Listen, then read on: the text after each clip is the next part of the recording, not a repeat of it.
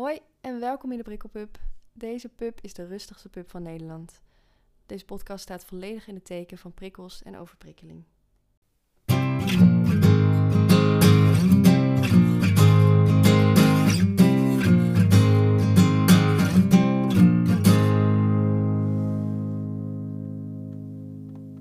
Hoi en welkom in de Prikkelpub, de rustigste pub van Nederland. Ik eh, heb vandaag een mooie aflevering voor je klaarstaan met een fijne gast die ik echt al heel lang wil spreken.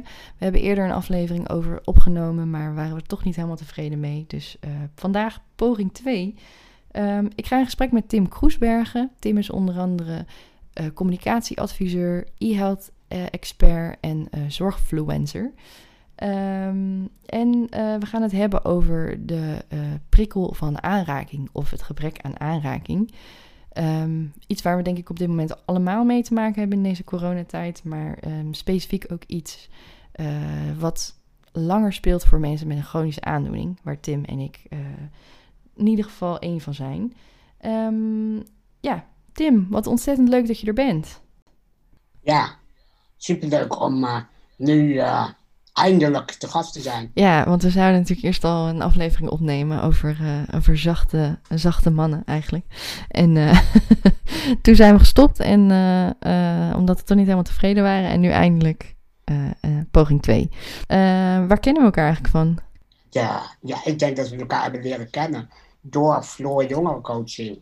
Waar ik een coachingstraject gedaan heb. En dat smaakte zo naar meer. Dat ik meer wilde doen voor Floor. En meer op het gebied van communicatie. En wie zat daar op communicatie wie, wie, wie? te werken? Dat ja, was jij. Ja. ja, en uh, achteraf bleek dat ik jouw naam ook eigenlijk al kende. Want ik, eerder had iemand al het, het, al over jou gehad bij een eerdere werkplek van mij. Uh, dus jouw naam heb ik wel eerder gehoord. Maar uh, jouw, de man, de legend zelf, ken ik pas via Floor inderdaad. We leerden elkaar bij Floor kennen. Uh, ja, wat ik altijd vraag aan, uh, aan mijn gasten. Wat, uh, wat betekenen prikkels voor jou? Ik ben heel gevoelig voor prikkels. Heb ik een aantal jaar geleden ontdekt. Want ik heb het eerst, heb ik er nooit zoveel van willen weten. Had ik er wel last van, maar ging ik nooit op onderzoek uit.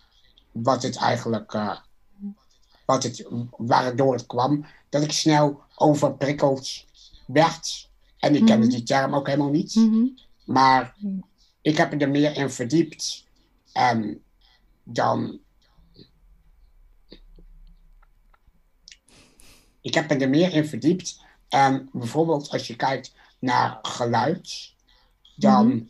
kan ik heel slecht tegen geluiden in de achtergrond. Bijvoorbeeld, ik heb een gesprek met iemand en op de achtergrond staat een radio aan. En dat kan me dan helemaal uit mijn concentratie halen. Ja, het was net ook al eventjes, hè, voordat we begonnen met een uh, kraakje op de lijn. Of op de, op de bellijn, de videolijn. En uh, ja, dat, dat, dan, dan kan je niet doorgaan. Oh nee, nee. En, en je vertelde ook uh, dat je iets hebt met, met smaak en met aanrakingen. Um, ja, ja het, het, is natuurlijk hoeveel, als je kijkt naar smaak, hoeveel is smaak voorkeur en hoeveel is smaak overgevoeligheid of gevoeligheid. Maar mm -hmm. ik heb wel bepaalde smaken waar ik mm -hmm. echt, echt niet tegen kan. Oh ja, heb je, heb je een kort voorbeeldje? Pindakaas, voor example. Pindakaas? Eigenlijk oh. heel veel uh, smeerbare substanties en sausige dingen. Oh ja. Waar ik echt niet goed op ga. Terwijl pindakaas is wel, uh, schijnt heel uh, uh, ontprikkelend of heel aardend te werken, begreep ik laatst. Oh. Vanwege, vanwege de noten, redeneer ik dan misschien. Ja, ik heb geen idee wat het precies was, maar dat, dat hoorde ik ergens. Van hé, hey, pindakaas werkt heel aardend en heel, heel goed als je overprikkeld bent, om dan weer meer bij jezelf te komen. Uh, niet dat je dan een hele pot pindakaas moet leeg eten met de verwachting dat je dan weer helemaal bij jezelf bent, denk ik. Maar uh, nou ja, ik kan me wel iets bij voorstellen dat je veel uh, pindakaas eet als je, daar, als je daar last van hebt, bijvoorbeeld. Maar goed, los van pindakaas, zijn er prikkels waar jij echt heel erg van geniet? Ja, van, ik zei, te veel geluid kan negatief werken, maar mm -hmm. tegelijkertijd kan ik ook heel erg van muziek heel diep genieten en heel diep geraakt worden. Ja, ja, de muziek is een hele fijne natuurlijk. Je was gisteren nog bij een concert. Uh, ja, dat was uh, ongelooflijk dat dat mogelijk was in deze coronatijden. Zeg ik er maar even bij. De podcast kan natuurlijk altijd geluisterd worden. Precies, ja. laten we hopen dat we daar ooit een keer vanaf komen. Um, de mensen die luisteren zullen het weten. Um, en, en zijn er prikkels waar je helemaal niet van geniet? Ja, overmatig geluid, overmatig smaak. Ja, harde mensen. Ik wil bijna zeggen, mensen die te bot zijn of te gevoelloos. Oh ja, daar ga je Ik heb heel lang, heel lang ook gedacht van, ja, ik ben een man en ik ben een gevoelig type. Mhm. Maar een man dient stoer te zijn. En ik maak nu quotations met Ja. mijn eh, handen. ja, dat is precies. gewoon hoe, je, hoe je opgroeit, of hoe ik ben opgegroeid. Ik ben opgegroeid in een gezin die heel erg eh, dacht en in de wetenschap zat. Mhm, En waar gevoel nooit echt een plek had. mhm. Dus dat heb ik echt moeten ontdekken. Ja, en hoe ben je erachter gekomen eigenlijk? Het was echt iets van zes jaar geleden dat ik voor het eerst met het eh, fenomeen eh, HSP, hooggevoeligheid, eh, dat iemand dat opperde. Mhm. En toen dacht ik nog helemaal, ja, dat, dat is niet wetenschappelijk aangetoond. En eh, dat eh, is veel te zweverig. Ja, En ik ja. kende het gewoon niet. Het zat zo ver buiten mijn belevingswereld. Mhm. Maar steeds meer kwam het eh, gewoon eh, in swing. Dat het meer oké werd, HSP. En dat ik me er ook meer in ging verdiepen. En toen ben ik er Mhm. steeds meer achter gekomen dat HSP en helemaal HSS. Dat ja, dat heel, dat. heel ja. erg bij mij paste. Past. Ja. ja, daar heb ik een eerdere aflevering over gedaan ook. de high sensation seeker kant heeft er lang voor gezorgd dat ik überhaupt dacht van ik kan niet gevoelig zijn, want ik ben zo, eh, zo energiek Ja, en ja. HSP's kunnen niet energiek zijn. Nee, die moeten altijd uitgeput op de bank liggen. Ja, precies. Dat vooroordeel. Ja, mooie vooroordelen, ja. Daar gaan we het later nog meer over hebben. Ehm, ja, we gaan het vandaag ook een beetje meer hebben over eh, aanraking en gebrek aan aanraking. Want nou ja, als je nu luistert in coronatijd, eh dat is gewoon onze realiteit nu, gebrek aan aanraking. Ehm, ja, jij, jij hebt ook heel veel met aanraking. Ehm, En je kan het ook aanraking op heel veel manieren zien. Je kan zeggen, Mhm. aanraking is iemands hand vasthouden. mhm, Zoals jij met plezier doet mensen masseren. Maar je mhm. kan ook zeggen, iemand aanraken is super erg levelen met iemand Ja. in een diep gesprek. Zonder fysieke aanraking, maar dan raak je een deel van elkaar aan, bedoel je eigenlijk. Klopt dat? Ja. Ja, want eh, aanraking, de link met aanraking en prikkels. Aanraking is natuurlijk ook een prikkel. Ehm, en een positieve. Ehm, maar ja, heel veel mensen met een chronische ziekte of handicap, eh, waar wij ook onder vallen, die eh, eh, zitten nu heel erg bijvoorbeeld in quarantaine. waardoor aanrakingen niet mogelijk zijn en je moet afstand houden. Ehm, ja, hoe is dat op dit moment voor jou eigenlijk? Kun je, wat, kun je daar wat over vertellen? Ja, ik zit ook van in een zelf, zelfgekozen quarantaine. Niet omdat ik iemand in mijn buurt corona heeft opgelopen, maar wel omdat corona een heel heftige uitwerking kan hebben op mijn lijf. Dus pre- preventief zonder ik mijzelf een beetje af. Ja, En door ja, de fysieke contacten die je met mensen hebt, die zijn daardoor minder. want eh, vertel even, je hebt, eh, als ik het goed uitspreek, osteogenesis imperfecta. Ja. Oftewel kort OI. Eh, dat, is, dat is dan weer lekker makkelijk. Ehm, ja, voor de mensen die geen idee hebben. Ik bedoel, ik weet er nu best wel wat van doordat ik jou ken. Ehm, maar uh, mensen die geen idee hebben, wat, wat, wat, even, even kort, wat, wat houdt het in? Het komt neer op het hebben van broodje botten. Omdat iedereen heeft kalk in zijn botten. Dat maakt je botten stevig. Maar ik heb veel minder kalk. En daardoor veel minder stevige botten. Als je mij een klap op je schouder zou geven of een high five, dan kan het Mhm. al te laat zijn. Ja, dan, dan breek je al iets, hè? Ja, Ja, ja, heel, ja. of van bijvoorbeeld onverwachte geluiden, zoals knallen van vuurwerk. ja. Daar kan je ook al iets van breken. Zeker, Oh, ja. ja, wauw, ja. Ben je daardoor ook kwetsbaarder voor, eh, voor COVID, voor corona? Dat heeft meer te maken met eh, hoe mijn lijf iets anders is gevormd. Ja, Mhm. ik ben heel klein van postuur. Ook mijn eh, longen hebben minder ruimte om echt goed uit eh, te kunnen, zeg maar. Mhm. En daardoor, ja, corona is een longziekte en daardoor ben ik heel vatbaar. Ook bijvoorbeeld voor longontstekingen. Die heb ik in het verleden echt heel veel gehad. Ja, dus als jij, als jij het zou krijgen, dan zou dat, nou ja, weinig goeds betekenen in ieder geval. Is Precies. de, verwa- is de verwachting, ja. Eh, hoe ben jij opgegroeid? Kun je die specificeren? Nou ja, ik kan me zo voorstellen dat als je... Kijk, wij werken allebei eh, in een wereld van eh, chronische ziekten en handicaps en, en al dat soort dingen. Maar als je geen idee hebt en je luistert nu, hoe zag je leven eruit? Zoals ik net al zei, ben ik dus zeer kwetsbaar. Mijn kwetsbaarheid heeft ervoor gezorgd dat ik best ook beschermd ben opgevoed. Want ik zou maar in mijn eh, kinderjaren per ongeluk op straat door een kuil rijden en weer een arm breken. Of van de stoep afdonderen. Ah, dan heb je zeg maar acute hulp, eh, acute hulp nodig. eigenlijk, Zeker, ja. Op zo'n moment. Ja, ik kan me heel goed voorstellen dat aanraking dan een andere betekenis voor je heeft. Omdat je meer aanraking eh, krijgt in termen van zorg en minder sociaal. Ja, of dat je misschien zelfs bang bent voor aanraking, of, of heb je dat niet gehad? Nou, ik zou meer zeggen dat het een soort opgelegde angst voor het onbekende is. En alles heel erg veilig willen doen en niet te veel op uit willen gaan, erop uit willen gaan. Mhm.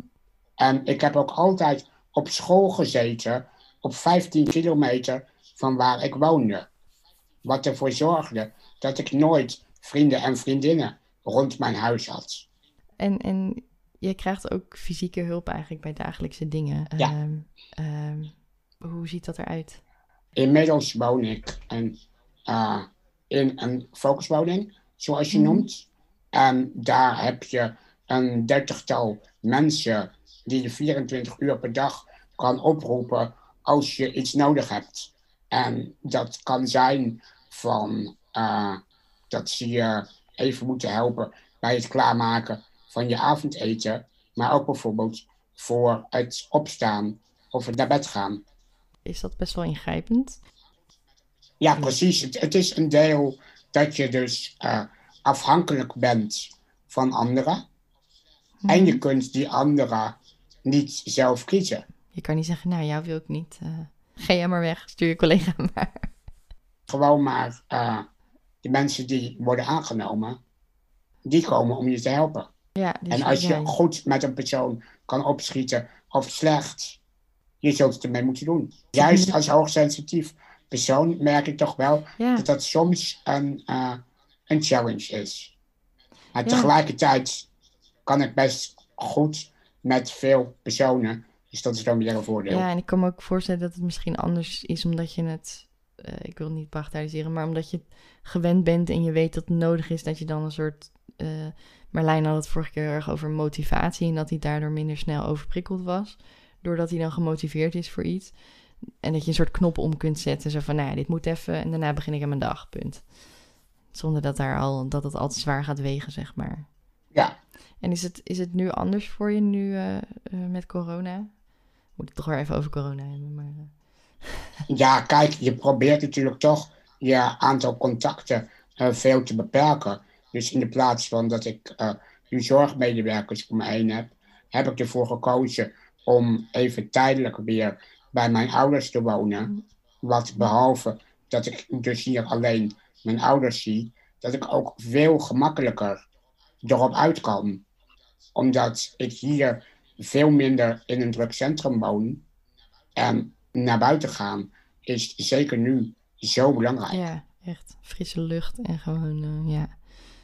En, en nu zijn je aanrakingen, zijn die, zijn die minder? Ja, ja. Ik zie minder zorgverleners. Ik zie minder vrienden. Ik zie minder van alles. En, en uh, ja, heb je daardoor het gevoel dat je heel veel aanraking mist? Ik zit denk ik heel erg in een soort het is hoe het is modus. Ook om op het moment dat ik erbij stilsta, dat ik het dan heel erg mis. Hmm. Maar ja, soms, soms komt het natuurlijk op. Ja, maar om te mm. zeggen dat ik er heel veel last van heb, nee. Ja, ik, ik vond het ook wel mooi dat jij dat zei. Uh, uh, wat je net in het begin al even noemde over uh, aanraking, fysieke aanraking of gewoon een soort van nabijheid. jij, ja, je vertelde ook dat je, je, hebt, je werkt thuis, grotendeels, online. Ehm, ja, hoe ziet dat eruit? Ik ben communicatie slash onderzoeksmedewerker bij Academie Dorp in Arnhem. -hmm. Help daar nu mee bij onderzoeken, met name. En dat is allemaal prima digitaal te doen. En, dat, en ook de contacten met je collega's verlopen ook veel online? Eigenlijk alleen maar online. Ja, dat, dat scheelt heel erg dan. En je, en je overige contacten, zeg maar vrienden, misschien wel relaties, dat soort dingen, intiemere dingen. Als ik, als ik kijk naar uh, het afgelopen half jaar en met name in de zomer, dan kon ik gemakkelijker hier in de tuin uh, afspreken. Mm -hmm. En ja, dat was gewoon heel erg fijn. Maar nu in de winter is het toch weer heel anders. En je ziet ook een soort van mensen hun leven weer een beetje oppakken als normaal. En iedereen heeft het druk, druk, druk. Ja. En dan zie je toch minder, nog minder mensen. Ja.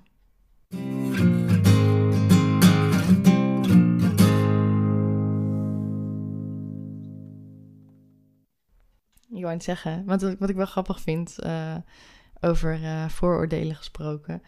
Uh, ik, ik weet dat ik zo erg ben veranderd in mijn denkwijze sinds ik jou ken. Want jij hebt het zo verschrikkelijk druk gehad altijd. en misschien nog wel, maar dat jij hop in de trein heel Nederland door en uh, daar en daarheen. En ik echt dacht, nou, je hebt het gewoon uh, drie keer zo druk als ik. Dus ik, vond, ik vond dat wel een grappig vooroordeel, wat ik, wat ik bij mezelf opmerkte over, over mensen met een fysieke handicap. Ik dacht, die zitten heel veel thuis of, nou ja, doen niet zo heel veel. Maar bij jou is dat totaal anders. Ja, terwijl je het zegt, voel ik echt, dat is wat ik nu het meeste mis. Ja. Dat reizen. Ja. Omdat deze high sensation seeker nu veel meer een soort flatliner is geworden. Omdat die, piek, omdat die pieken er niet meer zijn. Ja, het is allemaal ja, precies mooi hoe je dat zegt.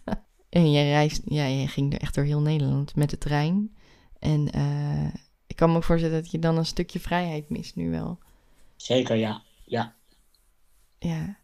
En uh, ja, hoe, hoe, nu heb je op dit moment, om nog even terug te komen op die aanrakingen, eigenlijk alleen maar die fysieke aanrakingen van je ouders, denk ik. Ja. Uh, en, en wat zijn dan manieren waarop je. Uh, ik, wij kregen ook de vraag van iemand: als je weet dat je heel erg in de risicogroep valt en aanraking mist, wat kun je dan doen? Dus eigenlijk mijn vraag aan jou: hoe doe jij dat? Ja, toch zoveel mogelijk kijken wat is er wel mogelijk. En daarover het gesprek aangaan. En ook vooral het gesprek opener durven aangaan. In de zin, heel lang wist ik eerst niet uh, dat ik hooggevoelig was. Mm -hmm. daarna uh, was ik nog maar een beetje een stil iemand. Terwijl ik merk, hoe meer ik mij uitspreek online over bepaalde zaken. En dat heeft ook te maken met dat ik in de coronatijd meer spiritueel ben geworden. Me daar meer in heb verdiept. En ook uh, meer uitspreken en meer mensen daardoor tegenkomen. Ja, je hebt een mega netwerk. En online ken je echt zoveel mensen die dan weer iets met elkaar hebben en die kan je dan weer met elkaar verbinden. En uh, nou ja, dat is echt een fantastische ja. gave van jou, vind ik. Maar werkt, dat werkt dus voor jezelf ook wel, om, de, om online die connecties te en maken. En ik geniet er ook van als ik gewoon twee mensen die elkaar verder kunnen helpen, om die met elkaar te verbinden. Hoef je dan niet eens zelf bij betrokken te zijn. Ja, wie ver, jij, jij geniet ervan om mensen met elkaar te verbinden, maar wie verbindt er dan met jou? Of zijn dat dan die mensen die je dan weer doorverbindt? Dat zijn mensen die mij tegenkomen of die ik tegenkom online. Het lijkt of je bij zo'n uh, telefooncentrale werkt, weet je wel? Dat je dan van die pinnetjes in de muur, uh, die weer met die verbindt en die met die. en je is de hele dag achter zo'n apparaat. um, wat, wat, ja, mm, ik krijg ik nog vergeten met te vragen. Mis je überhaupt iets op dit moment? Ik mis reizen. En ja, 2019 heb ik me heel erg ontwikkeld. En dat komt met name door Floor jongerencoaching. Ik ben een veel rustiger persoon geworden. De balans werk en privé of rust is veel beter te komen liggen. En daardoor, doordat ik in kalmere setting ben gekomen, dacht ik, 2020 mhm. wordt het jaar om mij veel verder te ontwikkelen. Ik ga misschien meer het podium op, spreken, wat ik heel graag doe. Nou, dat is nu door corona ook. Moet het digitaal, als het überhaupt kan. Ik dacht, misschien is het een goed moment om meer te gaan daten. Maar dat, het voelt gewoon minder op zijn plek of zo. Alsof je het dan voor zou forceren. Ja, ik, ik, ik wil gewoon dat dingen gebeuren als dingen gebeuren. Alleen als ik me afzonder, dan gebeurt er wel weinig. Ja, precies. Zo werkt dat. Ja, dus het is een heel ander jaar eigenlijk voor je geworden op deze manier.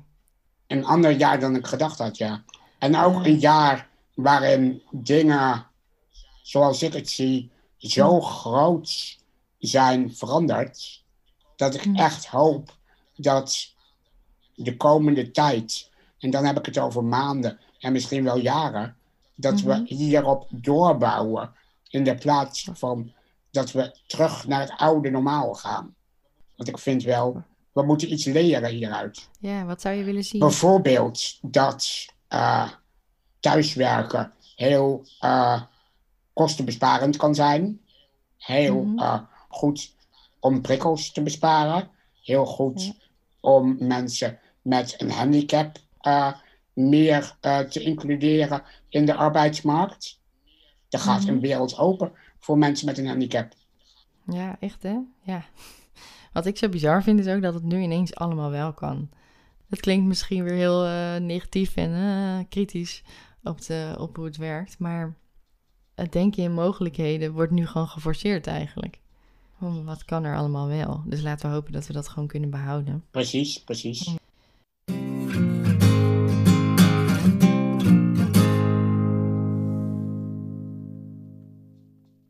Ik kreeg ook de vraag van iemand of uh, meditatie en visualisaties misschien een rol kunnen spelen. Mediteren? als ik daarnaar kijk, heeft uh, mij wel een coma persoon gemaakt. En maakt het nog steeds. Omdat, uh, ja, het is ook vaak als je aanraking mist, waarom mis je aanraking? En wat zit eronder? Ja. Ben je onrustig? En ik denk dat er veel mensen onrustig zijn in de coronacrisis. Absoluut, ja.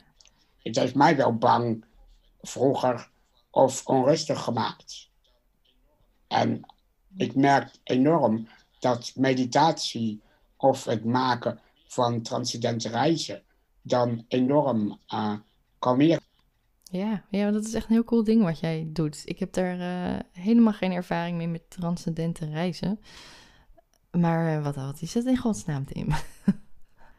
waar, waar, ga je naartoe? Ja, ja, dat, is, dat is een soort van uh, meditatie waarbij je je ouders begeeft.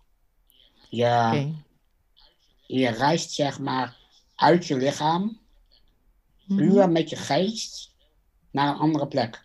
Dus het vergt ook heel veel uh, van je voorstellingsvermogen.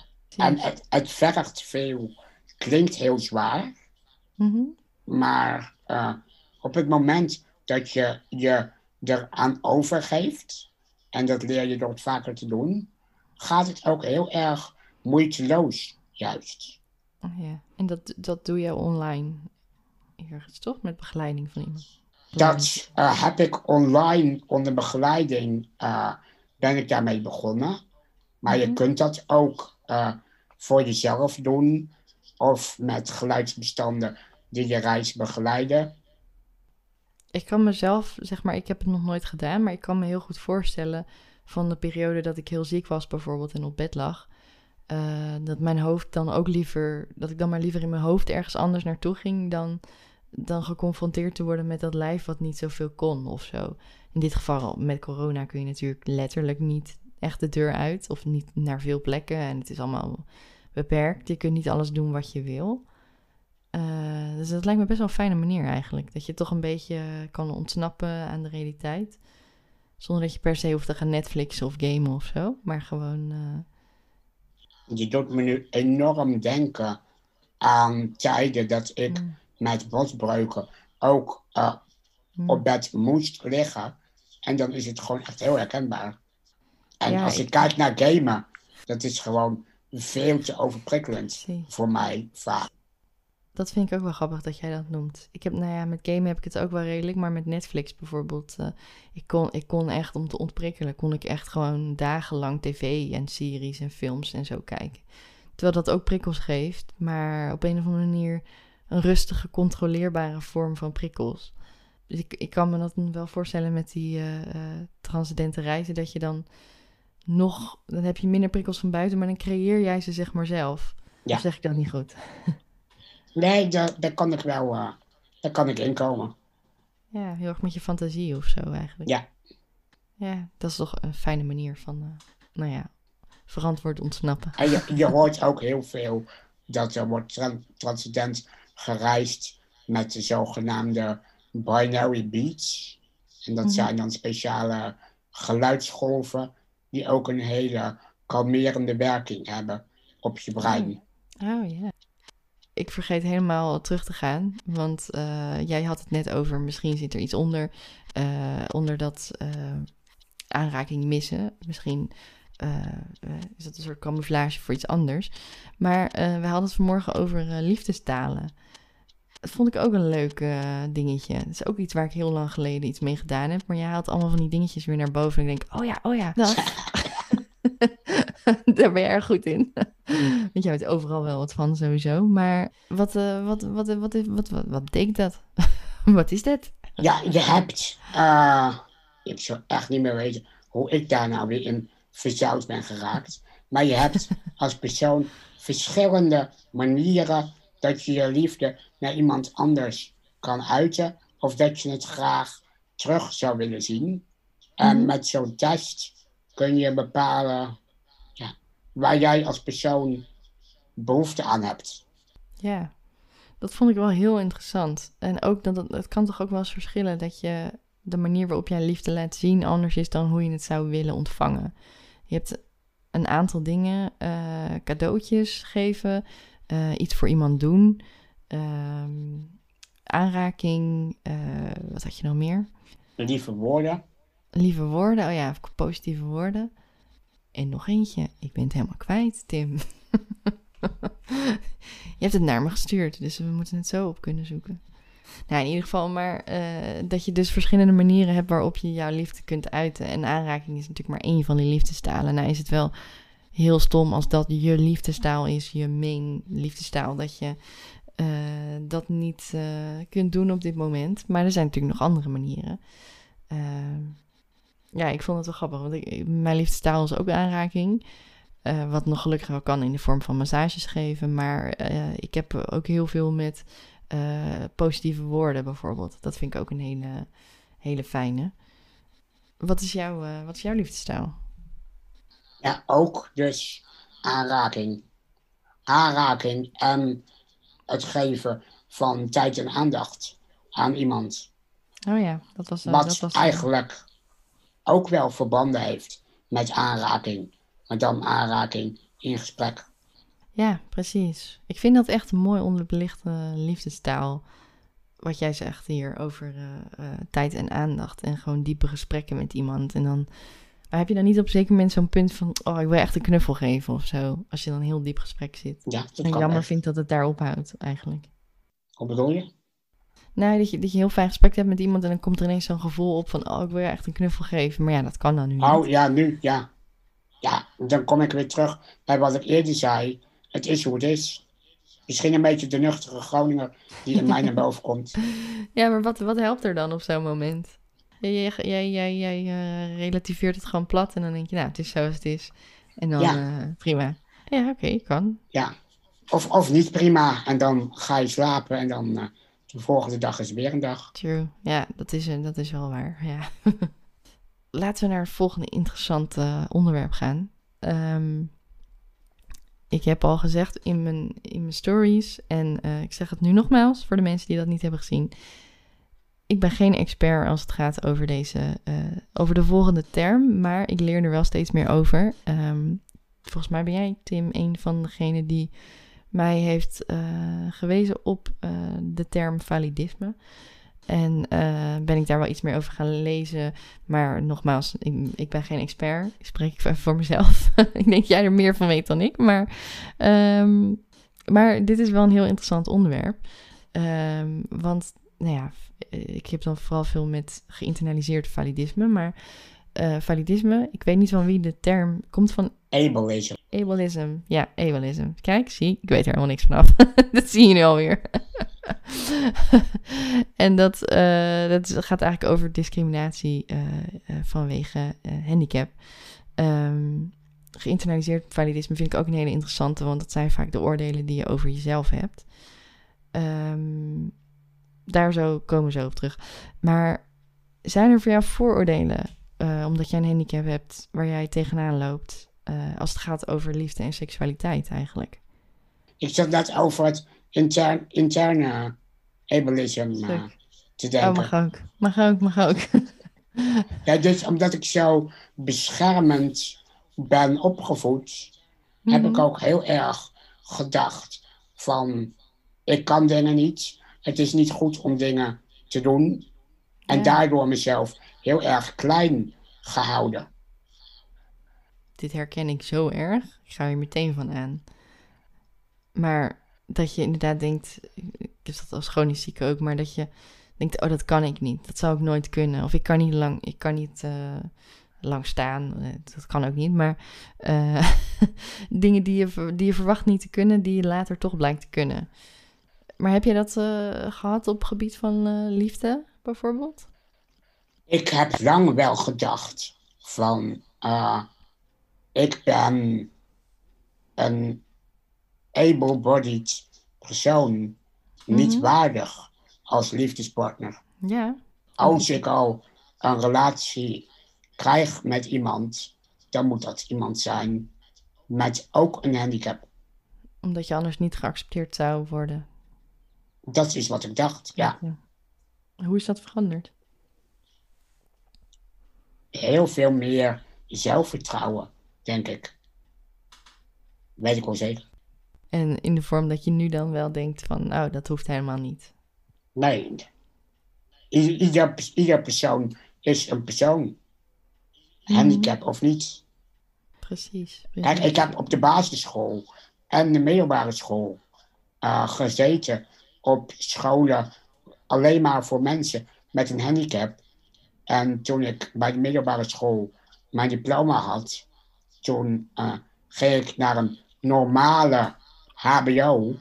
En toen had ik echt zoiets, die gehandicapte wereld, die wil ik nooit meer zien. Ik had er zo genoeg van. Het is ook niet voor niets dat ik in mijn eindexamenjaar een soort van burn-out gehad heb. Omdat ik totaal overprikkeld werd door allemaal ADHD'ers in mijn klas die om het grootste woord schreeuwden. En ik ging gewoon, uh, ja, het overprikkelde me zo dat ik maanden in het donker thuis heb gezeten om op adem te komen. Ja, en dat heb je, je hebt nu sowieso nog steeds zo'n donkere kamer, hè, waar je, wat je gebruikt om te ontprikkelen eigenlijk. Ja, omdat ik daardoor heb gemerkt dat het mij zo goed helpt. Dat, uh, ja, als je echt lekker op gaat, waarom zou je het dan uh, weggooien? Precies. Ben je, ben je eigenlijk bewuster geworden van het feit dat je snel overprikkeld raakt? Sinds die tijd? Sinds die tijd nog helemaal niet. Maar wel sinds een aantal jaar. Hmm. Ja, maar sinds die burn-out? Sinds die burn-out dacht ik alleen maar... Het ligt aan mijn drukke klas. En dat heeft te maken met hen. Hmm. Terwijl het ook voor een deel bij mij ligt. Ja, daar ben ik ook groot voorstander van. Ja, niet alleen maar uh, de omgeving is zo uh, vol prikkels. Uh, we moeten naar minder prikkels. Nee. Heb jij... Ja, zoals ik eerder al zei, jij bent een druk, een druk mens. je zit niet stil. Um, wat ik zelf heel erg heb, is het gevoel dat ik nuttig moet zijn of productief. Dat als ik rust, dat ik, nou ja, minder waard ben eigenlijk. Heb jij, heb jij dat? Herken jij dat? Ik had dat vroeger veel meer. Als ik al kijk dat ik, toen ik op het HBO zat, uh, niet op een studentenvereniging ging. Mm-hmm. Want mijn HBO-werk nam veel tijd in beslag. En ik wilde het ook heel goed doen. Hele grote bewijsdrang als persoon met een beperking. Dat je toch mhm. voor je gevoel sta je achter. Wat ook te maken heeft met de toegankelijkheid van de maatschappij in het algemeen. Ja. Enorme bewijsdrang. En dat daardoor uh, dat het niet goed voor je is. Had Jedda hier niet ook iets over gezegd in uh, Ziekte Podcast? Over die bewijsdrang? Volgens mij zei zij daar ook wat moois over. Maar... Ja, Jedda en uh, Mira Thompson hebben er allebei uh, bij Ziekte Podcast mooie dingen over gezegd. Volgens mij is dat uh, sowieso de moeite waard om even te gaan luisteren. Maar ja, ik vind het wel grappig dat je die, die bewijsdrang heel erg voelt. Ik, ik heb dat denk ik in mindere mate, maar wel... Um... Voelde tenminste, als ja, je bij mij aankwam. Voelde, ja. Ik, ik, ben, ik ben zo losgekomen uit de vroegere Tim, zeg maar, uh, dat ik zoveel plaatjes van hoe het zou moeten zijn verscheurd heb. Ook als ik mm. bijvoorbeeld kijk naar relaties, dat uh, ik ben een heel liefdevol persoon. Mm-hmm. Die zei, er is zelfs eens iemand geweest die zei, Tim, je bent tiny Buddha. oh, zou Boeddha dat nooit over zichzelf ik kan het zeggen. zeggen. Zo bescheiden. Maar ik vond het wel raak. En uh, toen, een paar jaar geleden, kwam polyamorie een beetje op. En uh, ik had daar een heel mooi gesprek over met iemand. En toen uh, had ik echt zoiets van ja, dat is gewoon oké. Okay. Terwijl ik eerst dacht dat het helemaal niet oké okay was. En dat ik daar niet over moest praten. Want ja, ik ben een persoon met een beperking en ik sta met 3-0 achter. Dus ik kan me mm. maar beter conformeren aan de maatschappij. Ja, dus niet. Nee, je gaat zo groeien wanneer je je eigen pad op gaat. Ja, het is ook niet... En wanneer je uitspreekt, dan gebeuren er dingen. Heb jij dan niet het gevoel dat het dan een soort plus was? Zo van, je hebt al, je hebt al een handicap en je nou ook nog uh, van de polyamorie? Precies. Ik ben de mens Tim. En ik weet niet of je het labeltjes moet noemen. Of mensen, ja, ik, de, er was bijvoorbeeld een tijd dat ik heel erg met hoogsensitiviteit bezig was. En ook Mm. zei van ja, ik ben Tim en ik ben hoogsensitief. Oh ja. En ik mij daar een soort van naar ging gedragen. Terwijl Mm. het is gewoon een eigenschap en die draag je met je mee. Die kan voor heel veel goeds zorgen. En als je gewoon daarnaar leeft, om het zo maar te noemen, dan eh, Mhm. hoef je er ook niet mensen mee lastig te vallen. Vind ik absoluut niet, trouwens, lastigvallen. Je, je, zei, je zei ook iets over eh, dat je bang was om een, nou ja, een gehandicapte gevonden te worden die op zoek is naar seks. Ook weer zo'n eh, oud, zo'n oud, Ja. oud beeld. Precies, dat, dat is een jaar geleden dat je dat beeld had. Want wa- is dat zo, zeg maar? ik, ik heb helemaal niet het idee dat dat, eh, dat, dat een soort eh, character is of zo. Ja, ik, ik weet niet. Uh, ik denk dat dat karakter zich gevormd heeft aan, uh, aan wat ik zag om mij heen. Of naar wat ik las op plekken. Hmm. Of misschien wel waar ik bang voor was. Dat dat voor mij gevonden werd. Terwijl je Omdat ik, gewoon- omdat ik seks ook lang als iets vies heb gezien. Ja, misschien Ja. is vies een beetje doorgetrokken de verkeerde kant op. Maar u- überhaupt, ja, ben ik daar niet heel goed mee eh, onderwezen of zo. Nee, precies. Ik kan, ik kan mij in de biologieles helemaal niet eh, herinneren dat daarover eh, werd gesproken. En dat is ook wel iets wat ik meer hoor van wat er gebeurt op scholen voor mensen met een beperking. Ach ja, die hebben toch geen seks. Ja, dat is echt zo'n dik vooroordeel, hè? Ja. Ja, dat doen ze toch niet. Dus eh, dan hoef je ook niks uit te leggen. Dat gaat vast goed. ja, en dan wordt het dus helemaal zo'n taboe. Precies. Ja. Ehm, ik zie een grappig, grappig iets over dat je dat mensen je volwassener benaderen sinds je een, eh, een, een- een snor eh, had laten staan en een pit draagt. dat moet je even toelichten. Ja, je ziet, je, ziet, je ziet me nu heel veel met een bed op. Maar dat is pas enkele jaren. En ik moet zeggen, als ik naar buiten ging, dan kon ik gewoon overal mij wel begeven zonder dat ik echt eh, verkeerd bejegend werd. Of dat mensen, dat ik dacht dat mensen rare dingen voor me dachten. Maar Mhm. ik vind wel dat mensen mij meer serieus nemen sinds ik een pet draag. En Mhm. soms iets van een snorretje of een baardje laat staan. Verder heb ik echt zo erg het idee dat jij gewoon zo erg je eigen dingen aan het doen bent. Dat je gewoon los van wat mensen misschien van je denken. Jij bent daar zo los van gekomen. Ik ben lang niet altijd los van andermans meningen. En jij hebt echt gewoon heel vaak, eh, eh, nou ja, scheid eraan. Dat kan ik wel zeggen. Omdat ik zie hoeveel dat mij geeft. Heb je het idee dat je nu juist wel meer je eigen weg eh, hebt moeten vinden? Eh, nu meer dan wanneer. Ja, dan, dan vroeger. Ik ben in ieder geval beter geworden in mijn eigen weg vinden. Omdat ik een veel completer beeld heb van wat er mogelijk is. Heel lang heb ik gewoon maar één richting opgereden. Mhm. Zonder dat ik ooit een afslag nam.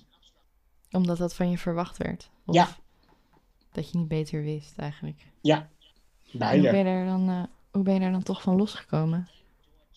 Ik denk door te remmen en door rust te nemen en te kijken, wat wil ik nu?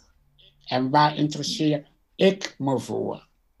En, en op die manier heel erg je eigen passies volgen. Ja, precies. Ik weet nog zo goed dat eh, ik mij echt aan de vooravond stond van het begin van het ontwikkelen van een nieuwe Tim, om het maar even zo te noemen. En toen Mhm. hoorde ik over manifesteren. En ik dacht, wat is dat nou weer voor iets? En eh, Dat kan toch helemaal niet? Heel erg wetenschappelijk beredeneerd, Mhm. zeg maar. Terwijl, als je er dus op een andere manier naar kijkt, dan kunnen er echt gewoon dingen op je pad komen. Op het moment dat je het echt wil. Dan trek je Mm. het gewoon aan. Ik vind het ook niet per se eh, een zweverig iets, eigenlijk. Ik vind het juist wel hand in hand gaan met wetenschap. En zo kijkt iedereen daar weer op zijn of haar eigen wijze naar. En Ja. dat is top.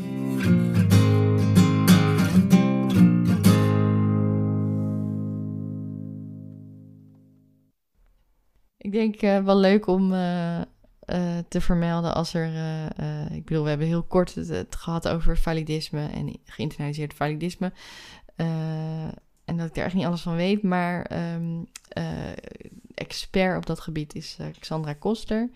Ehm, ik kwam een heel mooi artikel tegen in op One World.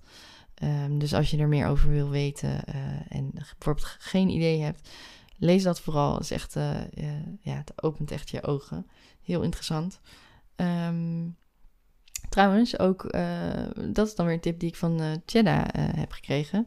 Ehm, de, de Nap Ministry, want nou ja, dat is het enige wat we nog niet hebben aangestipt. Maar ehm, eh, ja, oh, het ging over nuttig zijn en, lui, en dat rust nodig is soms.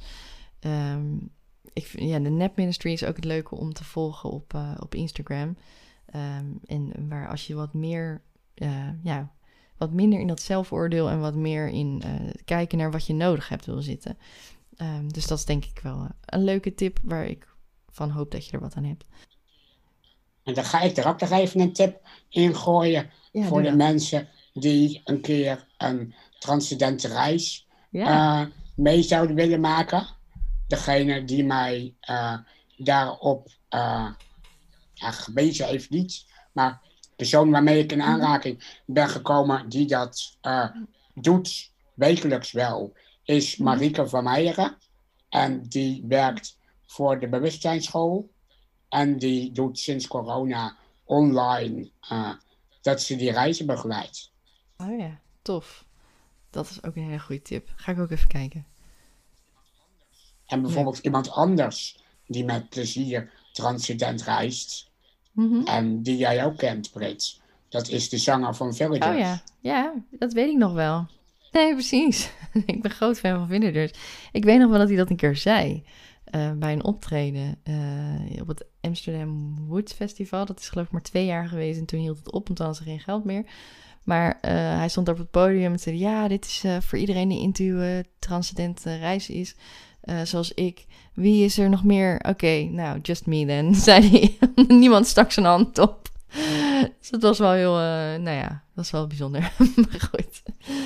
Ehm, nou ja, ik, ik, ik, wil je heel erg bedanken eigenlijk eh, voor deze, nou ja, fijne aflevering weer eigenlijk. Leerzaam en, en, en fijn. Dankjewel, Tim Groesbergen. Als mensen jou willen volgen, mag dat? Natuurlijk. Mag ze dat? Tim Crow online everywhere. Ja, Tim Kroo. Dankjewel voor dit gesprek.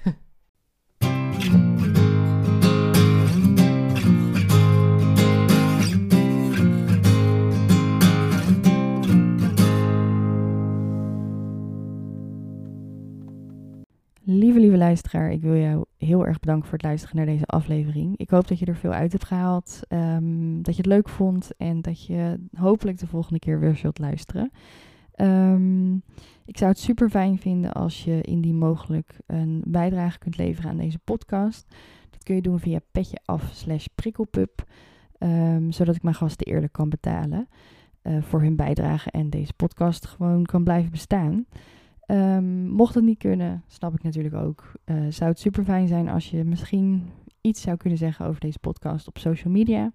Je vindt me onder de Prikkelpub op Facebook. En op Instagram is dat onder Praktijk Bright. B-R-I-G-H-T. Ehm, ja, dus dankjewel weer voor het luisteren. En ik hoop je de volgende keer weer te mogen verwelkomen in de Prikkelpub. Wie weet drinken we dan samen een Guinness.